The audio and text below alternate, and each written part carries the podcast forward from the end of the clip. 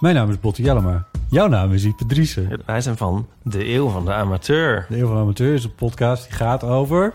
Alles. Het is een eh, podcast over levenskwesties die je niet kunt googlen. Een soort licht neurotische blik op het leven. Het is een podcast met humor.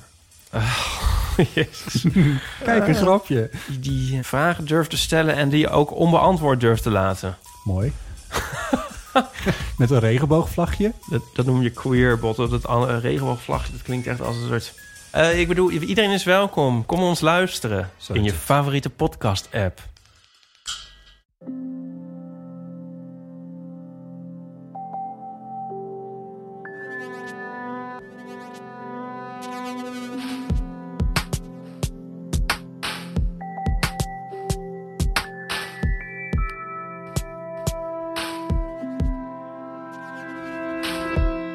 Ik ben Pieter van Relaas.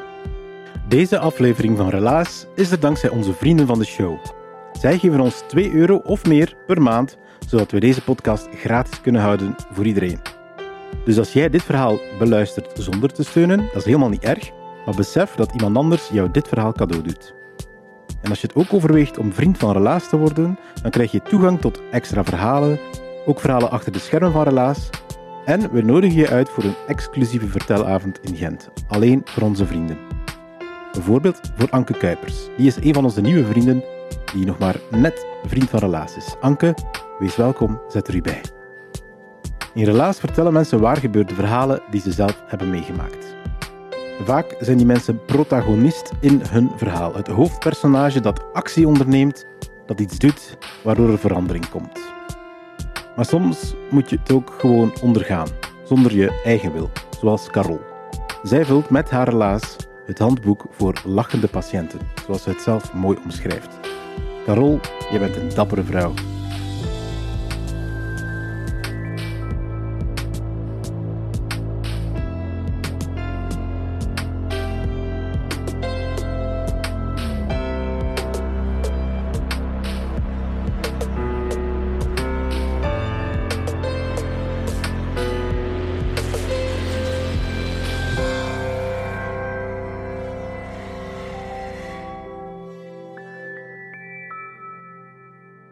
Ik heb nog nooit zoveel, zo vaak en aan zoveel verschillende mensen tegelijk mijn borsten laten zien dan dit jaar.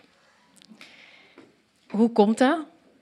Ehm, op het einde van de zomer eh, 2022 heb ik een diagnose gekregen van borstkanker. Ehm, enkele maanden voordien was ik 30 geworden. En ik dacht, ja, 30, ik vond dat niet zo leuk. Zo oud, je moet zoveel bereikt hebben. Maar ik heb echt sinds mijn diagnose nog nooit zoveel complimenten gekregen over mijn leeftijd. Zeker in het ziekenhuis, wanneer dat ze zeggen... Amai, maar jij bent nog zo jong. Ehm, ja, wat was er gebeurd? Op een heel toevallige manier hebben ze in mijn linkerborst een kleine tumor gevonden. Die stond nog in zijn kinderschoenen, dus ze waren er op tijd bij. Ehm, en die was gelokaliseerd op, hou je vast, op 12 uur. Zo zeggen ze dat dan. Ehm, wat heb ik in het voorbije jaar of in de voorbije maanden geleerd? Een paar belangrijke dingen. Aan de ene kant ehm, dat het leven wel nog wel intens kan zijn en soms wel pittig. Ik ga de pittige momenten, ik ga, je dat besparen vanavond, geen zorgen. Ehm, ik heb ook geleerd eh, dat ik een enorm, enorm sterk opvangnet heb van familie, vrienden en eh, collega's en allemaal mensen rond mij. Dat is gigantisch sterk. Ik kan daar echt in gaan liggen in mijn net en ik word opgevangen.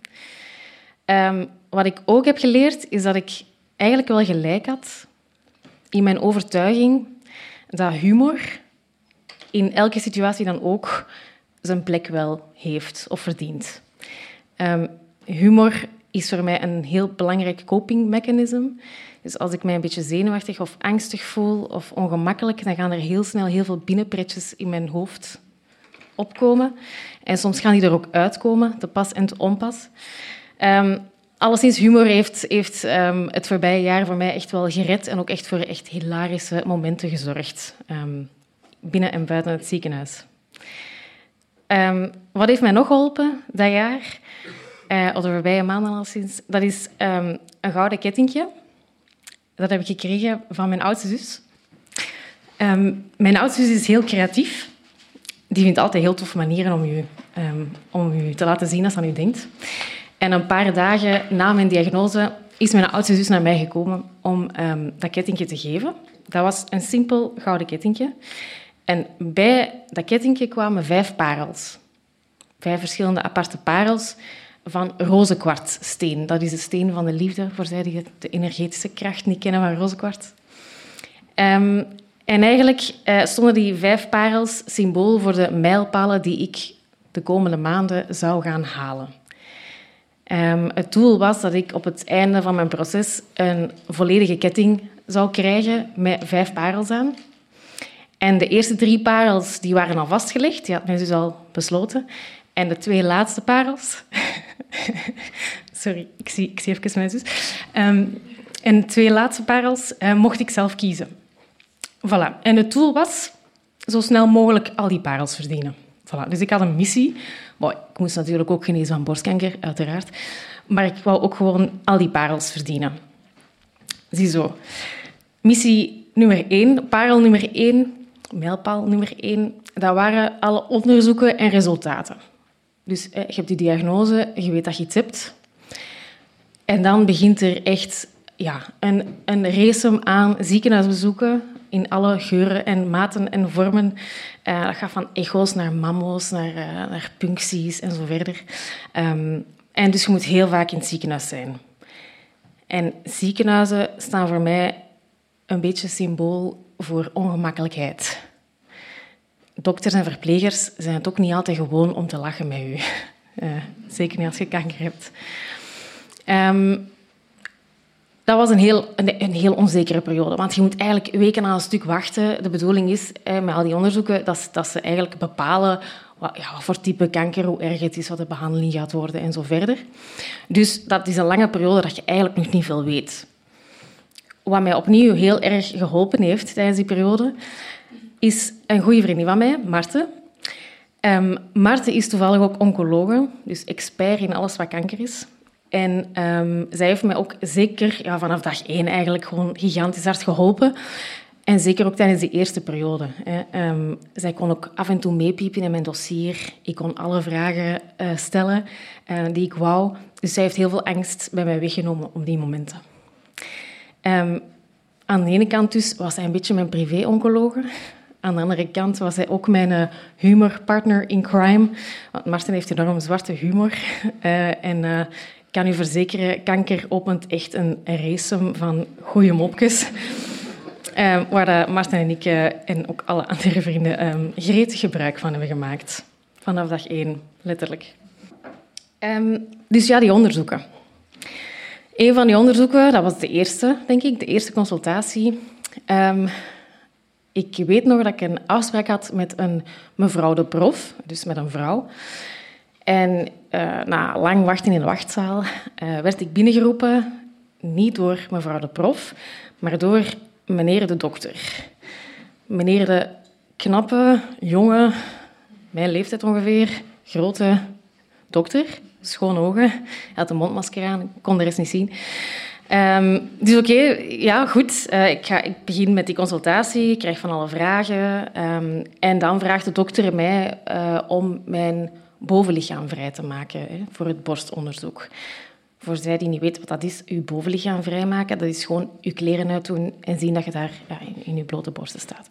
Die zin ga ik echt nog heel vaak horen in de weken die volgen. Gelieve uw bovenlichaam vrij te maken. Um, dus ik maak mijn bovenlichaam vrij, ik ga daar zitten op die tafel en ja, die begint aan dat borstonderzoek. Um, en op een gegeven moment, uh, heel professioneel, hè, op een gegeven moment um, vraagt, die, vraagt die dokter mij, ja, kun je even uw handen in uw, in uw heupen zetten, dat er wat meer hè, ruimte is tussen uw armen en uw, uw lichaam. En het is op dat moment dat ik denk, shit, ik heb echt al een paar dagen mijn okselhaar niet afgeschoren. En ik weet dat dat vandaag de dag helemaal oké is als vrouw. Ik, ik weet dat, maar ik doe dat wel nog. En dat was op dat moment het enige wat nog ja, in mijn hoofd speelde, was dat okselaar. Ik, ja, ik, heb, ik heb op dat moment echt het gevoel dat er een jungle aan haar hangt. Die een dokter af. Ja, super gênant. Uh, dus ja, awkwardness, eh, ongemakkelijkheid was aanwezig. Um, borstonderzoek is afgerond. Schaamte is een beetje gaan zakken. En ja, de dokter zegt op een gegeven moment... Oké, goed, ik ga dit dan nu met de prof bespreken. En die verdwijnt in zo'n achter, achterdeur. En die is weg. En ik ik zeg, waar, de prof, waar is die prof? Ik had een afspraak met de prof, ik heb die niet gezien. Nu, nu gaat hij dat met de prof bespreken. Wacht, allez, hoe, En ik had zo meteen een beeld van, van een centrale ruimte in dat ziekenhuis, waar dan zo de, de prof als bijenkoningin op een troon zat, waar dan alle assistentjes rondvlogen en advies vroegen om dan terug... Ja, heel bizar. Um, dus ik, ja, ik heb best wel hoog gelachen die dag in mijn hoofd, alleszins.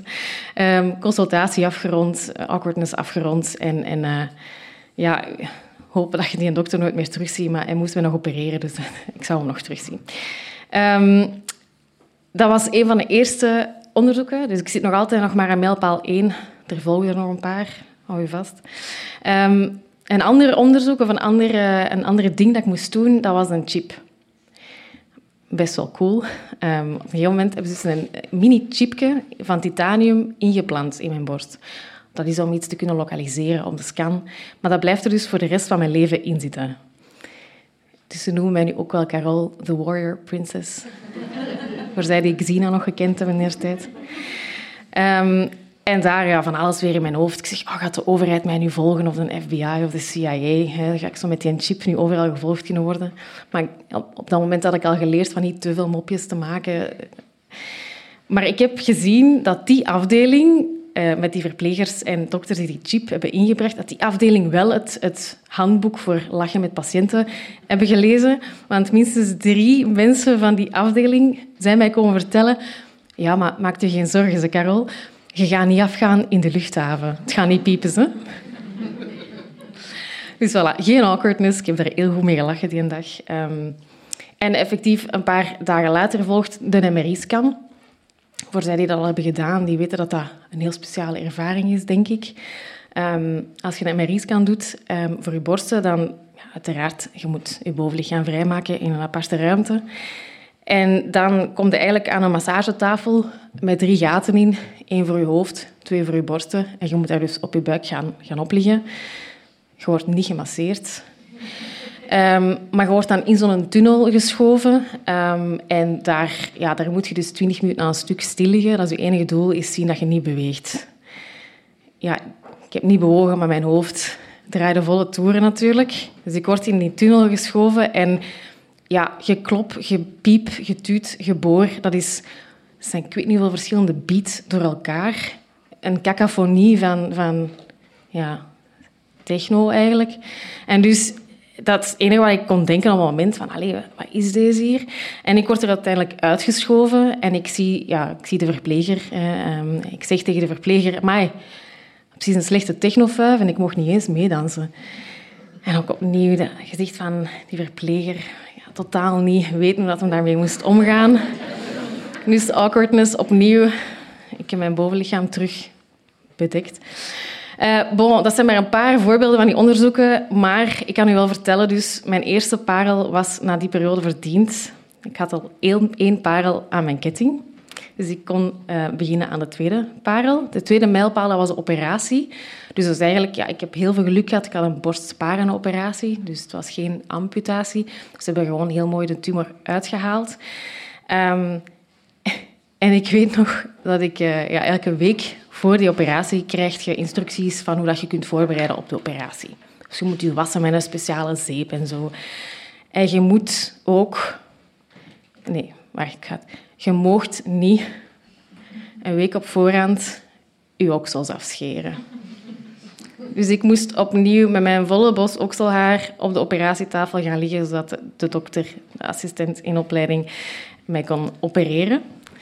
En ik weet ook nog de dag van mijn operatie, in plaats van effectief zenuwachtig te zijn over het feit ja, dat ik ging geopereerd worden en onder narcose gebracht worden.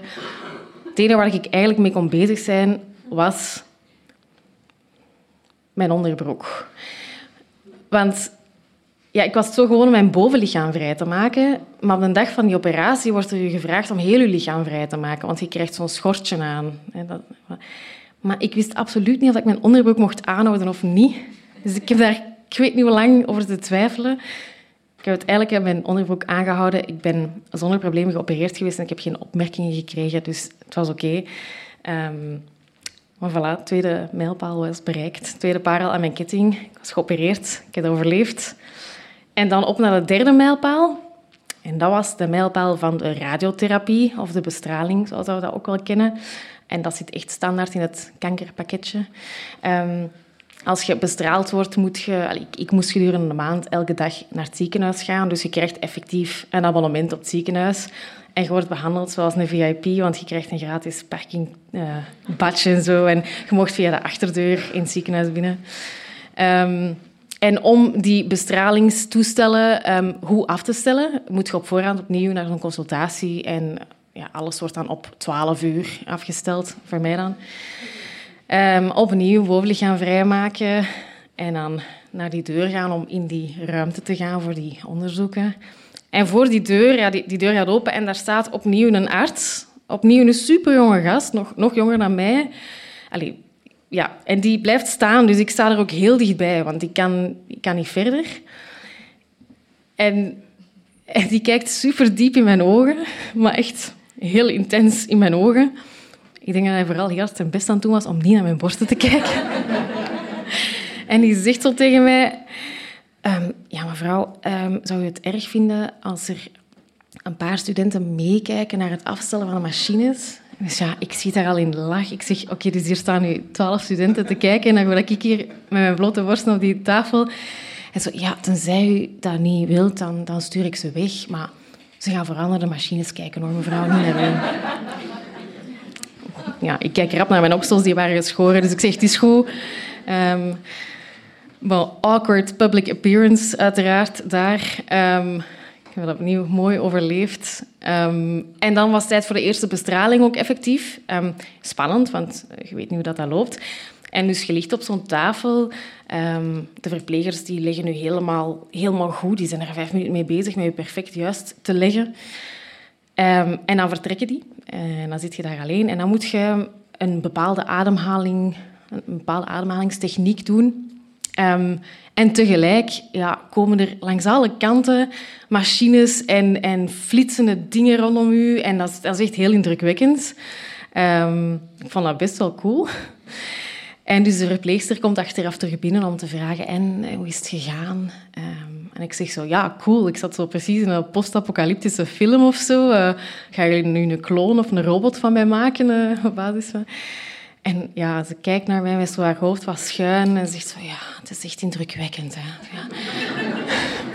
Dus opnieuw, ja, die had het handboek niet gelezen voor lachen met patiënt. Um, nu, ik kan wel echt niks, niks slecht zeggen over de crew daar uh, in het ziekenhuis. Um, allemaal echt supergoeie mensen. Daar wordt enorm goed voor gezorgd. Um, voilà, maar dus goed nieuws. Ik had mijn derde mijlpaal behaald. Ik heb nu ook drie parels aan mijn ketting. Yes ziet er al heel goed uit. Maar nu zijn er nog twee parels te verdienen. Um, en ik moet zeggen, de eerste drie parels die ik nu verdiend heb, die periode is nu achter de rug. Ik ben op zich genezen, ik ben kankervrij.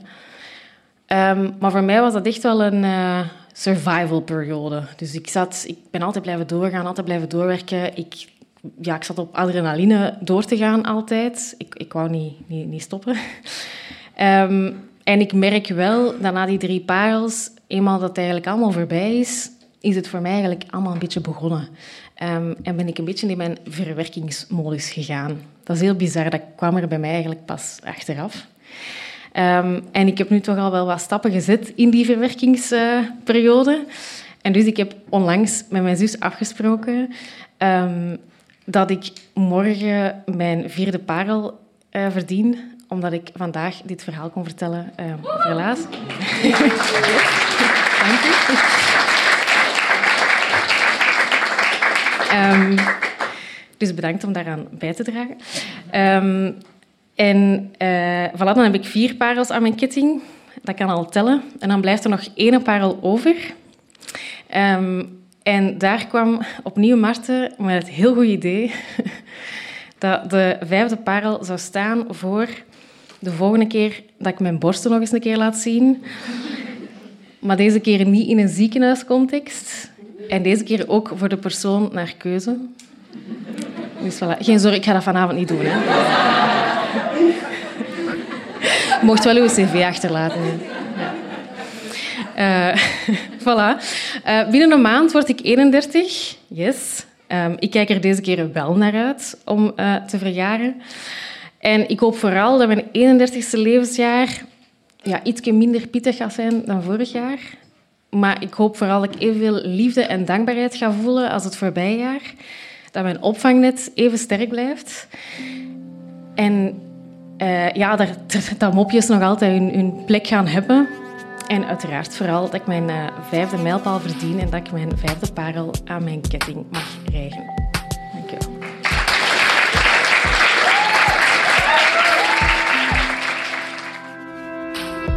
Dat was het relaas van Carol. Ze heeft het verteld in Huzet in Gent. Het was in april van 2023. En ik weet nog heel goed dat ik zelf gepakt was door het verhaal.